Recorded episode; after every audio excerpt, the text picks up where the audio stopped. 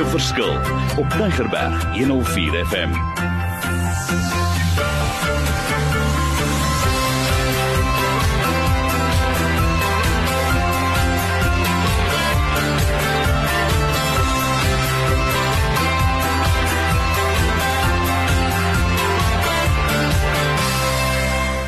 Mario Denton, die bedryfskundige, maar nie sommer net bedryfskundige nie, 'n passie, 'n passie vir die woord, 'n passie vir die beloftes, 'n passie om 'n verskil te maak. Week na week wil ek deel my beste praktyke, dinge wat ek in die praktyk sien, hoe ek mense kan help. Maar hierdie week en hoekom ek daaroor gesels, dit is die begin van die jaar en ek sien sommer stres slaan uit en ek sien daar gaan nog baie stres kom en nou moet ons leer hoe koop 'n mens met stres. En week na week ek gee weer 'n gevalle storie waar 'n persoon vir my gesê het is ek het hulp nodig Mario. Ek voel skaam oor die dinge wat ek doen. Ek is 6. Ek voel soms ek is in die pad. Ek wil ook raak gesien en geselebreer word. Nou mag dit wees jy sê maar hierdie persoon het 'n minderwaardigheid, maar nee, hier sit stres. Ek wil raak gesien word. Ek wil dinge doen en hoor ge wat sy sê. Ek wil so graag leef. Ek wil dinge doen wat vir my lekker is. Ek wil dinge doen wat ek kan my kan uitleef, waar ek my hart ook teenoor ander mense kan uitpraat. Ek voel vasgevang.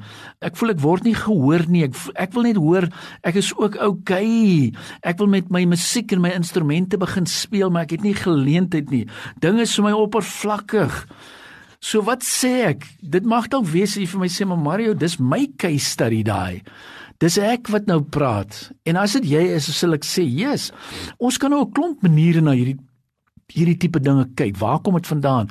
Is dit dit of is dit dat of is dit hierdie dinge? Nou ek hou daarvan om 'n lekker as ek sit met mense daar in my kantoor en my praktyk, wil ek eers 'n lekker analise doen en 'n situasie ondersoek en om te kyk waar dit vandaan kom en wat sê God se woord ook oor dit.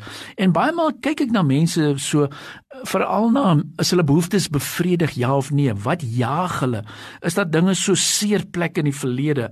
Uh hoe die lewensomstandighede hanteer? Waar kom hulle vandaan?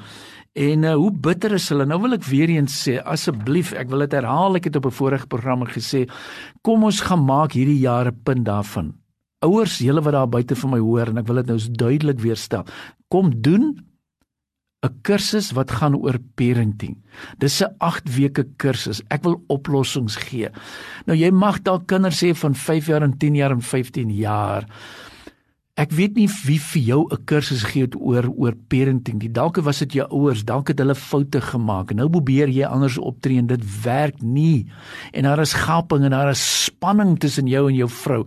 En jy wil 'n huwelikskursus doen wat great is, maar ek dink jy ek sal op hierdie stadium wil sê, kom ons begin by parenting want daar was mure wat gebou is. Mense het seer gekry, kinders het seer gekry. Daar is eensaamheid. Jy het gevoel ek wil hierdie dinge uitsny in die lewe. Jy het 'n kritiese self ingesteldheid begin kweek in 'n gesindheid. Daar is selfbejammering. Daar is bedruktheid wat toegeneem het. Dis stres. Jy ons kan hom nou verskillende name begin gee. Maar dinge soos verwerping, gebroke verhoudinge, ek raak sommer selfsugtig, Mario. Daar is jaloesie tussen my en my familie. Daar is woede. Ek is dit iets werk nie vir my uit nie. En nou wil ek sê, wat is die gevolgtrekking? Nou daar kan baie redes wees. Nou een van die dinge wat ek des wil noem en ek het nog die voorreg gehad jare terug, nie so lank terug nie, maar het ek by dokter Ousie Vermeulen het ek 'n kursus gaan bywoon oor Christelike berading en hy het so in een van sy boekies daar geskryf wat vir my baie mooi is. Hy sê rus jy nog genoeg? En hoor wat hy geskryf het. Jesus het die voorbeeld gestel toe hy vir sy disippels beveel het om te gaan rus.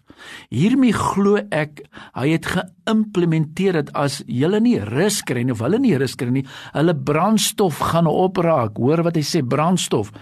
Die oliedruk sal verlaag, die kompressie sal verminder, die trekkrag gaan afneem, die remme gaan ingee, die koppelaar gaan gly en die motor sal 'n algehele nasie nodig het in kry moet kry.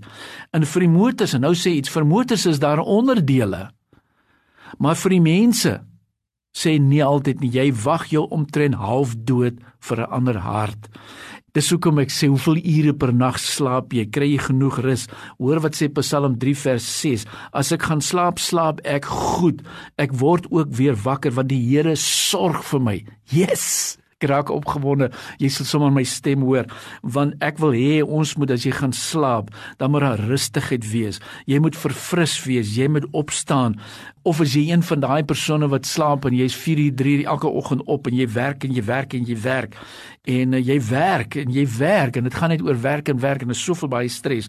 Jy het slapelose nagte. Jy weet jy's ge gepla oor hierdie goeters en die goed nee, gaan nie weg nie. Daar's nie daar's nie vrede in jou huis nie. En dit sou kom ek sê asseblief, hierdie week is baie prakties. Ek gee jou lekker oplossings. Ek spaar vir jou 'n klomp geld. Want ek weet as die persone baie maal in my kom en vra ek vir hulle is jy uh, onder mediese fonds moet dit jou aftrek van jou praktyk van jou mediese fonds of en sê maar kom ek help jou sommer so in die, in die, in die, in die interim periode. Want ek wil weet ook vir jy wat 'n leier is jy werk so hard maar kommunikasie is belangrik mense hou van jou of hou nie van jou nie. Daar is stres by die werk. Jy luister nie altyd na albei kante nie.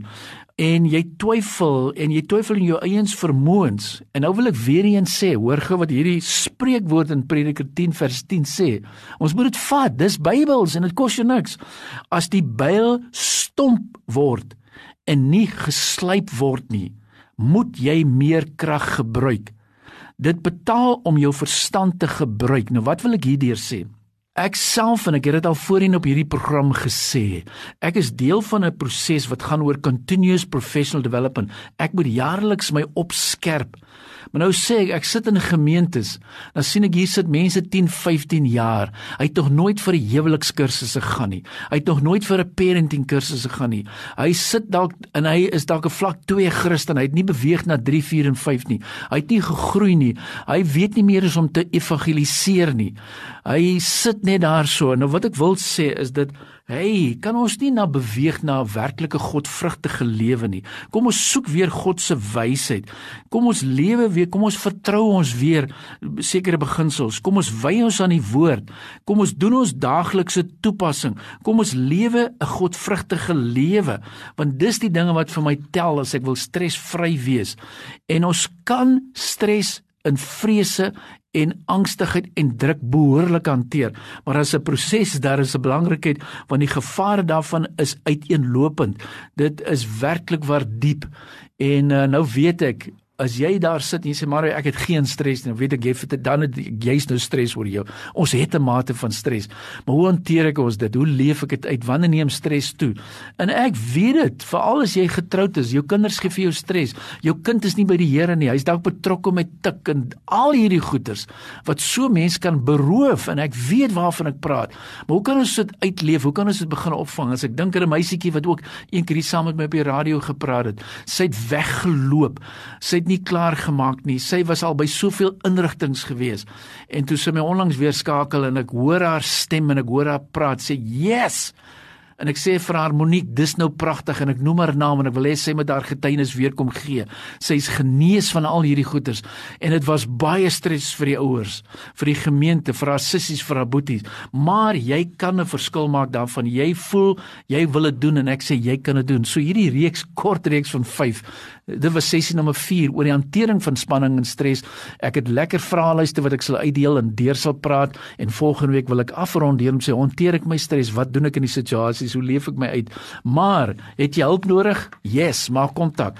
En ek wil weer eens sê, as jy daar sit en jy dink hoor hierso is okay, ek cope met myself. Ek kan dit doen. Ek het dit al voorheen gekoop. Weet jy, moenie so trots wees nie. Sit dit in jou sak. Neem jou eerste stap. Staan op begin te praat en ek wil herhaal, staan op.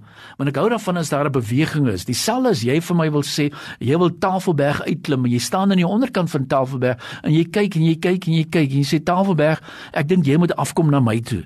Dit werk nie so nie. Jy vat die eerste stap, jy staan op en jy begin 'n verskil maak, want ek weet dan weet ek jy gaan die verskil maak. So stres Yes, kan ons dit hanteer baie maklik, maar nie so maklik as ons nie die volg in die resep volg nie, want anders te gaan jy iets bak en iets gaan nie die die die, die deeg gaan nie ry soos ons sê nie. So kom ons vat dit verder. My selnommer, my WhatsApp nommer 082 88 2903. Ek herhaal 0828822903. Jy kan elke week iets wen. Ek het vir jou nuwe inligting. Jy hoef nie skaam te wees nie. Stuur vir my jou WhatsApp. Moenie bel nie want ek is besig, maar ek kan my WhatsApp vir jou beantwoord jy vir die materiaal en die inligting aan te stuur.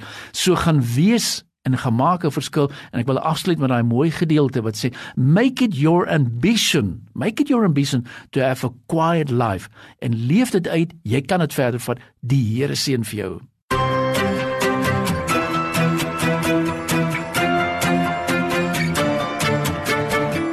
Opnames van Maak 'n Verskil is te kry op Potgooi via Tigerberg 104 FM se app of te wel toepassing.